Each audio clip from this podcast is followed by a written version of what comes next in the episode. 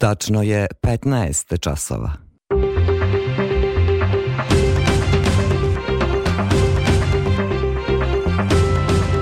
Radio Novi Sad. Novosti.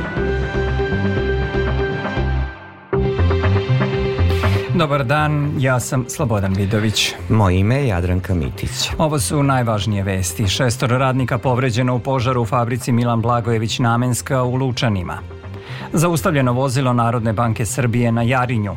Vučić danas sa nemačkim ministrom odbrane Pistoriusom. Vanredna sednica Saveta bezbednosti Ujedinjenih nacija o Kosovu i Metohiji zakazana za sutra, potvrdio Ivica Dačić.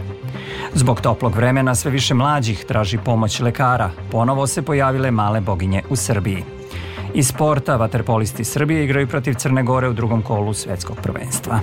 Sutra pretežno sunčano i toplo za ovo doba godine, kažu meteorolozi, sredinom dana vetar u pojačanju, temperatura do 20 stepeni, sada je u Novom Sadu 15.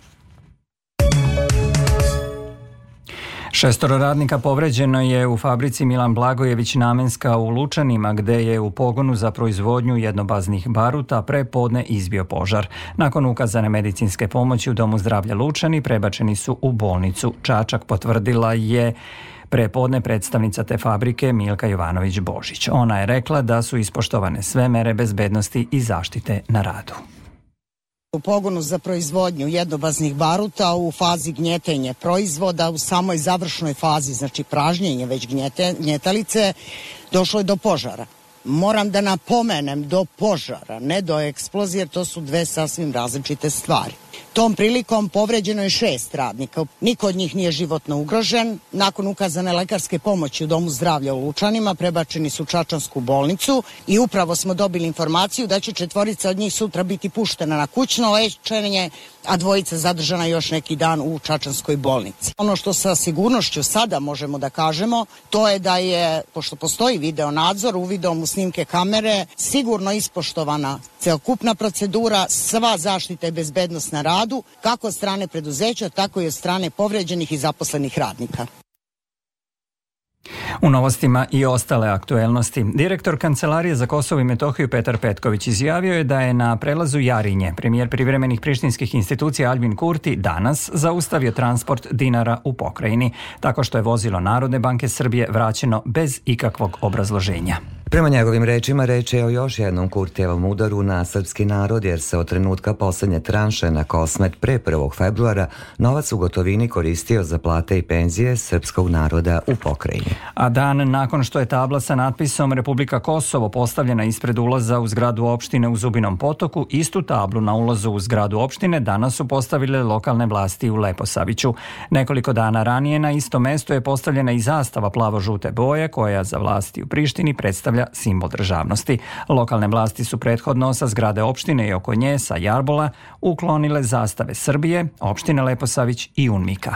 U četiri severne opštine sa izrazito srpskom većinom od prošle godine na vlasti su albanski predstavnici, izabrani na izborima koje su Srbi bojkotovali, nezadovoljni neformiranjem zajednice srpskih opština, politikom vlade u Prištini i raspoređivanjem specijalnih jedinica policije na severu Kosova i Metohije. A o situaciji na Kosmetu razgovaraće predsjednik Aleksandar Vučić i nemački ministar odbrane Boris Pistorius.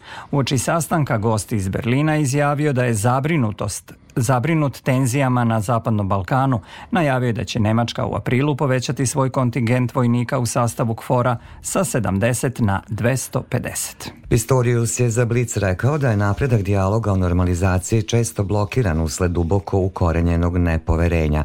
Kada je reč o upotrebi dinara na Kosovu, kaže da i ovaj konflikt treba rešavati za pregovaračkim stolom u okviru dijaloga koji vodi Evropska unija. Do tada se mora izbeći eskalacija zbog ishitrenog delovanja pitanja, poručio je nemački ministar odbrane. Sastanak Vučića i Pistoriusa je planiran za 15. 15.30 u zgradi Generalnog sekretarijata predsjednika Republike. Nakon toga predviđene su izjave za javnost, saopštila je predsjednikova služba za saradnju s medijima. A vanredna sednica Saveta bezbednosti Ujedinjenih nacija o stanju na Kosovu i Metohiji, a na zahtev Srbije, biće održana sutra u 21 čas po našem vremenu, potvrdio je šef naše diplomatije Ivica Dačić. Poslednje informacije ukazuju na to da će sednica biti otvorena za javnost. U zahtevu za održavanje vanredne sednice upozorava se da se akcijama prištinskih vlasti Srbi namerno podvrgavaju nepodnošljivim uslovima života. Pripremila Vesna Balta.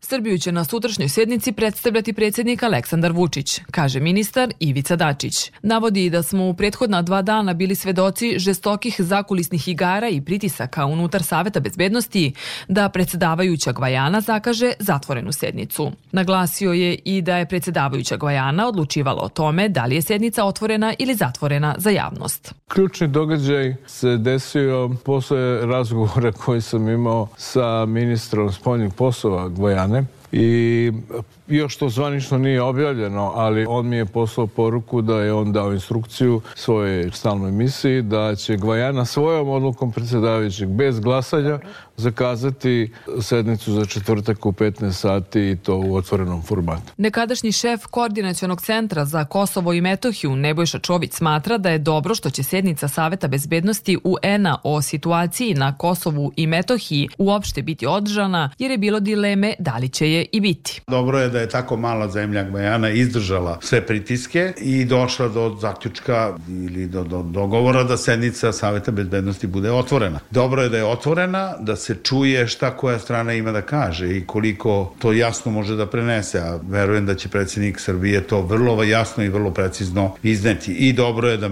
ponavljam, međunarodna zajednica, svetska javnost vidi i čuje zapravo šta se događa. Prema rečima kineskog ambasadora u našoj zemlji, Li Minga, pitanje Kosova i Metohije Metohije treba da bude rešeno kroz dijalog i ono treba da bude u okviru rezolucije 1244 Saveta bezbednosti Ujedinjenih nacija. I u tom postupku suverenitet, nezavisnost i teritorijalni integritet Republike Srbije mora da se u potpunosti poštuje. Takođe, pomno smo posmatrali nedavne događaje na Kosovu i po pitanju kosovskog uh, pitanja uh, i zabrinuti smo po pitanju tih događaja. Mi verujemo da svaka jednostrana radnja može da dovede do širenja panike i da dovede do eskalacije tenzije invazija, a to nije ni u čijem interesu. Američki ambasador u Prištini Jeffrey Hovenier izjavio je da bi privremene prištinske institucije trebalo da odlože primenu uredbe Centralne banke o suspenziji dinara. U suprotnom će se, kako je rekao, suočiti sa posledicama u kvalitetu partnerstva sa Sjedinjenim američkim državama. Svet. Sve manje je prostora palestincima u Gazi gde mogu da se sklone od ratnih dejstava. Broj poginulih u toj enklavi premašio je 27,5 hiljada. Istovremeno, Izrael navodi da je još 31 taoc proglašen mrtvim. Hamas je izneo svoj predlog o prekidu vatre u Gazi u tri faze i svaka bi trajala 45 dana. Pristaju na razmenu preostalih izraelskih talaca koje je zarobio 7. oktobra za palestince zatvorene u izraelskim zatvorima. Očekuje takođe obnovu pojasa Gaze, potpuno povlačenje izraelskih snaga kao i razmenu tela i posmrtnih ostataka poginulih. Američki državni sekretar Antony Blinken najavio je da će sa izraelskim zvaničnicima razmatrati odgovor Hamasa na ok okvir sporazuma za oslobađanje talaca kao deo nove humanitarne pauze. Ruske snage izvele su raketne napade širom Ukrajine, saopštavaju ukrajinski zvaničnici. Više eksplozija čulo se i u Kijevu, čiji delovi grada su ostali bez električne energije. Visoki predstavnik Evropske unije Jose Borelj, koji boravi u Ukrajini, saopštio je da je jutros dočekao u skloništu zbog sirena za vazdušnu opasnost koje su se oglasile u Kijevu. Ukrajinska PVO oborila je 29 projektila i 15 bespilotnih letelica koje je lansirala Rusija u masovnom napadu, rekao je načelnik ukrajinske vojske Valerij Zalužnji. Prema njegovim rečima, ruske snage lansirale su ukupno 64 rakete i bespilotne letelice. U Španiji je nastavljen protest poljoprivrednika koji su juče traktorima blokirali glavne saobraćenice širom zemlje, a sada su pozvali na blokadu pijaca i luka. U Kataloniji hiljadu traktorista napreduje ka centru Barcelone gde će se sastati sa predsednikom Pereom Aragonesom. Aviokompanija Lufthansa otkazala je stotine letova zbog štrajka svog zemaljskog osoblja na pet aerodroma u Nemačkoj, među kojima su i dva najveća čvorišta, Frankfurt i Minhen, ali i Berlin, Düsseldorf i Hamburg. Štrajk je počeo jutros u četiri i planirano je da traje 27 sati. U dva bombaška napada na izborne kancelarije jedne političke partije i jednog nezavisnog kandidata u jugozapadnom Pakistanu poginule su najmanje 24 osobe i ranjeno više od 20. Niko još nije preuzeo odgovornost za napade. Bombaški napadi dogodili su se uprkos raspoređivanju desetina hiljada policijskih i paravojnih snaga širom Pakistana kako bi se obezbedio mir nakon nedavnog porasta militantnih napada u zemlji. U Azerbejdžanu se održavaju prevremeni predsednički izbori, a birači odlučuju između sedam kandidata, uključujući aktualnog predsednika Ilhama Alijeva, koji se kandidovao za svoj peti mandat. Mandat predsednika u toj zemlji traje sedam godina. Prethodni predsednički izbori u Azerbejdžanu održani su u aprilu 2018. godine. Analitičari navode da je popularnost Alijeva dostigla vrhunac nakon što je ponovo uspostavio kontrolu Bakua nad spornim regionom Nagornog Karabaha. Očekuje se visok odziv birača tokom današnjeg dana koji je u Azerbejdžanu proglašen neradnim. U novostima ponovo domaće teme. Institut za javno zdravlje dr. Milan Jovanović Batut saopštio je da je kod 15-godišnjaka iz Beograda potvrđeno prisustvo malih boginja. Dečak nije vakcinisan, zbog upale pluća nalazi se na klinici za infektivne i tropske bolesti. Iz Batuta ističu značaj vakcinacije kao najefikasnije mere zaštite kada je reč o zaraznim bolestima. O tome se govorilo i na konferenciji povodom završetka projekta o izazovima u sprovođenju imunizacije u Srbiji, koja je održana u Beogradu a posvećena je pre svega unapređenju obuhvata MMR vakcinom. Opširnije Jovana Golubović. Slučaj zaraze malim boginjama kod 15-godišnjaka iz Beograda prvi je prijavljen slučaj nakon aprila prošle godine, do kada je u Smederevu vladala epidemija malih boginja. Prošle godine u Srbiji je bilo ukupno 50 slučajeva, a najveća epidemija bila je 2017. i 18. godine kada je bilo oko 5800 obolelih od malih boginja, od kojih je 15 preminulo, a četvoro dece bilo je mlađe od 5 godina. Oboleli su uglavnom bili nevakcinisani, nepotpuno vakcinisani ili sa nepoznatim vakcinalnim statusom. VD direktora instituta Batu Tverica Jovanović ističe da obuhvat imunizacije MMR vakcinom kod nas nije na potrebnom nivou. Podsećamo kao Institut za javno zdravlje Srbije da je decu MMR vakcinom potrebno vakcinisati čim navrše prvu godinu života i pre polaska u školu. Obuhvat koji je potreban iznosi 95% i ukoliko se taj obuhvat ne ostvari, mi u zajednici imamo rizik da neko ko ne može da se vakciniše i da neko ko dođe iz nekih drugih zemalja može da donese male boginje u našu sredinu. Iza strategije Svetske zdravstvene organizacije i Ministarstva zdravlja Srbije o informisanju javnosti radi suzbijanja takozvane infodemije stoji i Evropska unija, poručila je doktorka Maja Vučković-Krčmar u ime delegacije Evropske unije u Srbiji. U 20. veku je vakcinacija podrazumeva se najnormalnija stvar. Mi smo u 21. veku i evo i dalje imamo problem da objasnimo zašto bez vakcina ugrožavamo i sebe i druge i zašto ljudi to moraju jednostavno da shvate i da svoju decu na adekvatan način zaštite, a time i kompletnu zajednicu. Ona je podsjetila da je Evropska unija u Srbiji u prethodne tri godine obezbedila oko 30 miliona evra za vakcine, vozila za prevoz vakcina i njihovu distribuciju. Na skupu je upućen apel roditeljima da provere vakcinalni status svoje dece jer će ukoliko ne dostignemo 95% obuhvata potpune vakcinacije, virus nastaviti da cirkuliše u zajednici. A u Institutu za javno zdravlje Srbije dr. Milan Jovanović Batut navode da je i dalje prisutan veliki kašalj i da je u januaru prijavljeno 49 slučajeva. Realan broj obolelih je kažu sigurno veći jer se ne testiraju svi. Doktori poručuju roditeljima da ako ne vakcinišu decu dovode i drugu rizik koje iz opravdanih medicinskih razloga ne mogu da se imunizuju. Dodaje se da je najviše slučajeva veliko kašlja zabeleženo kod adolescenata od 10 do 19 godina. Zbog porasta temperature u prethodna tri dana u Novosadskoj hitnoj pomoći beleže više od 120 intervencija dnevno, što je iznad proseka. Dr. Zoran Krulj iz Zavoda za hitnu medicinsku pomoć kaže da se osim hroničnih bolesnika sve češće javljaju mlađi sugrađani od oko 35 godina koji do sada nisu imali problema sa pritiskom. Prema njegovim rečima uglavnom su se žalili na Glavopolju.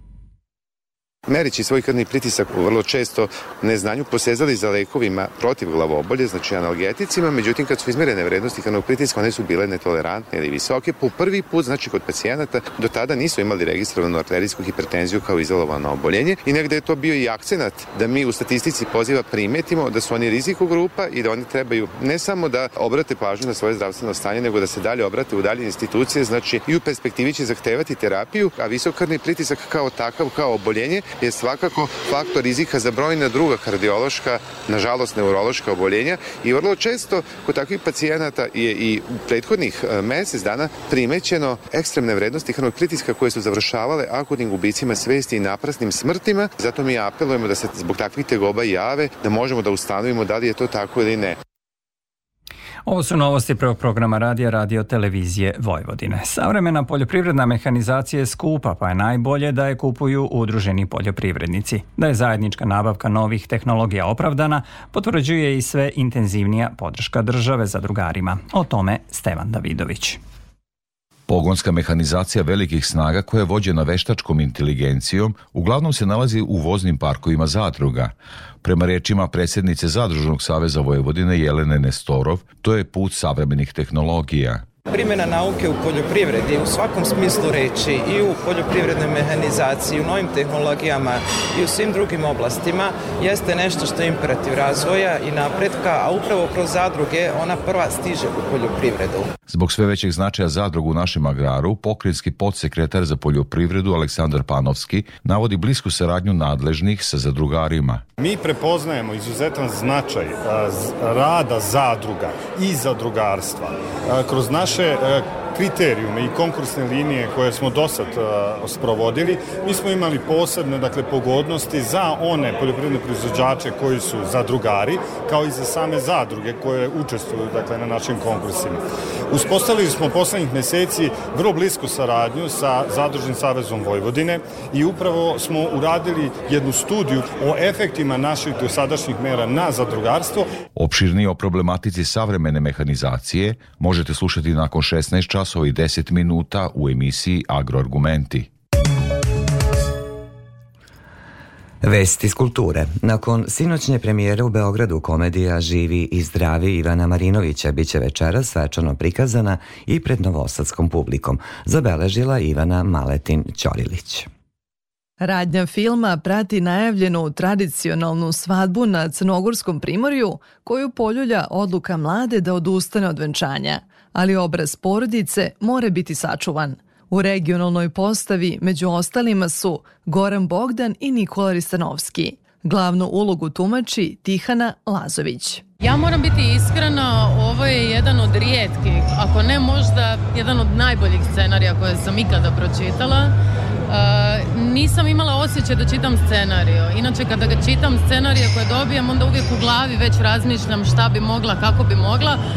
Ovdje nisam imala taj osjećaj što je super jer sam imala osjećaj kao da čitam nekakav genijalni roman. Uh, tako da toliko je to dobro sve upisano. Ivan je dugo pisao taj scenarij što se vidi uh, i osjeća, tako da je nekako sam Uh, nije bilo teško napraviti ovaj lik. Film je nastao u koprodukciji Srbije, Crne Gore, Hrvatske, Slovenije i Češke, Novosadska premijera zakazana je za 20 časova u bioskopu Arena Cineplex. I vesti iz sporta, vaterpolisti Srbije igraju protiv Crne Gore u meču drugog kola grupne faze svetskog prvenstva u Dohi, početak je u 15.30, a odbojkašice jedinstva i stare pazove od 19.30 gostuju švajcarskoj ekipi Neuchâtel u revanš meču četvrtinala Cev Kupa. Naš šampion je slavio u prvom susretu u Rumi sa 3-1 u setovima.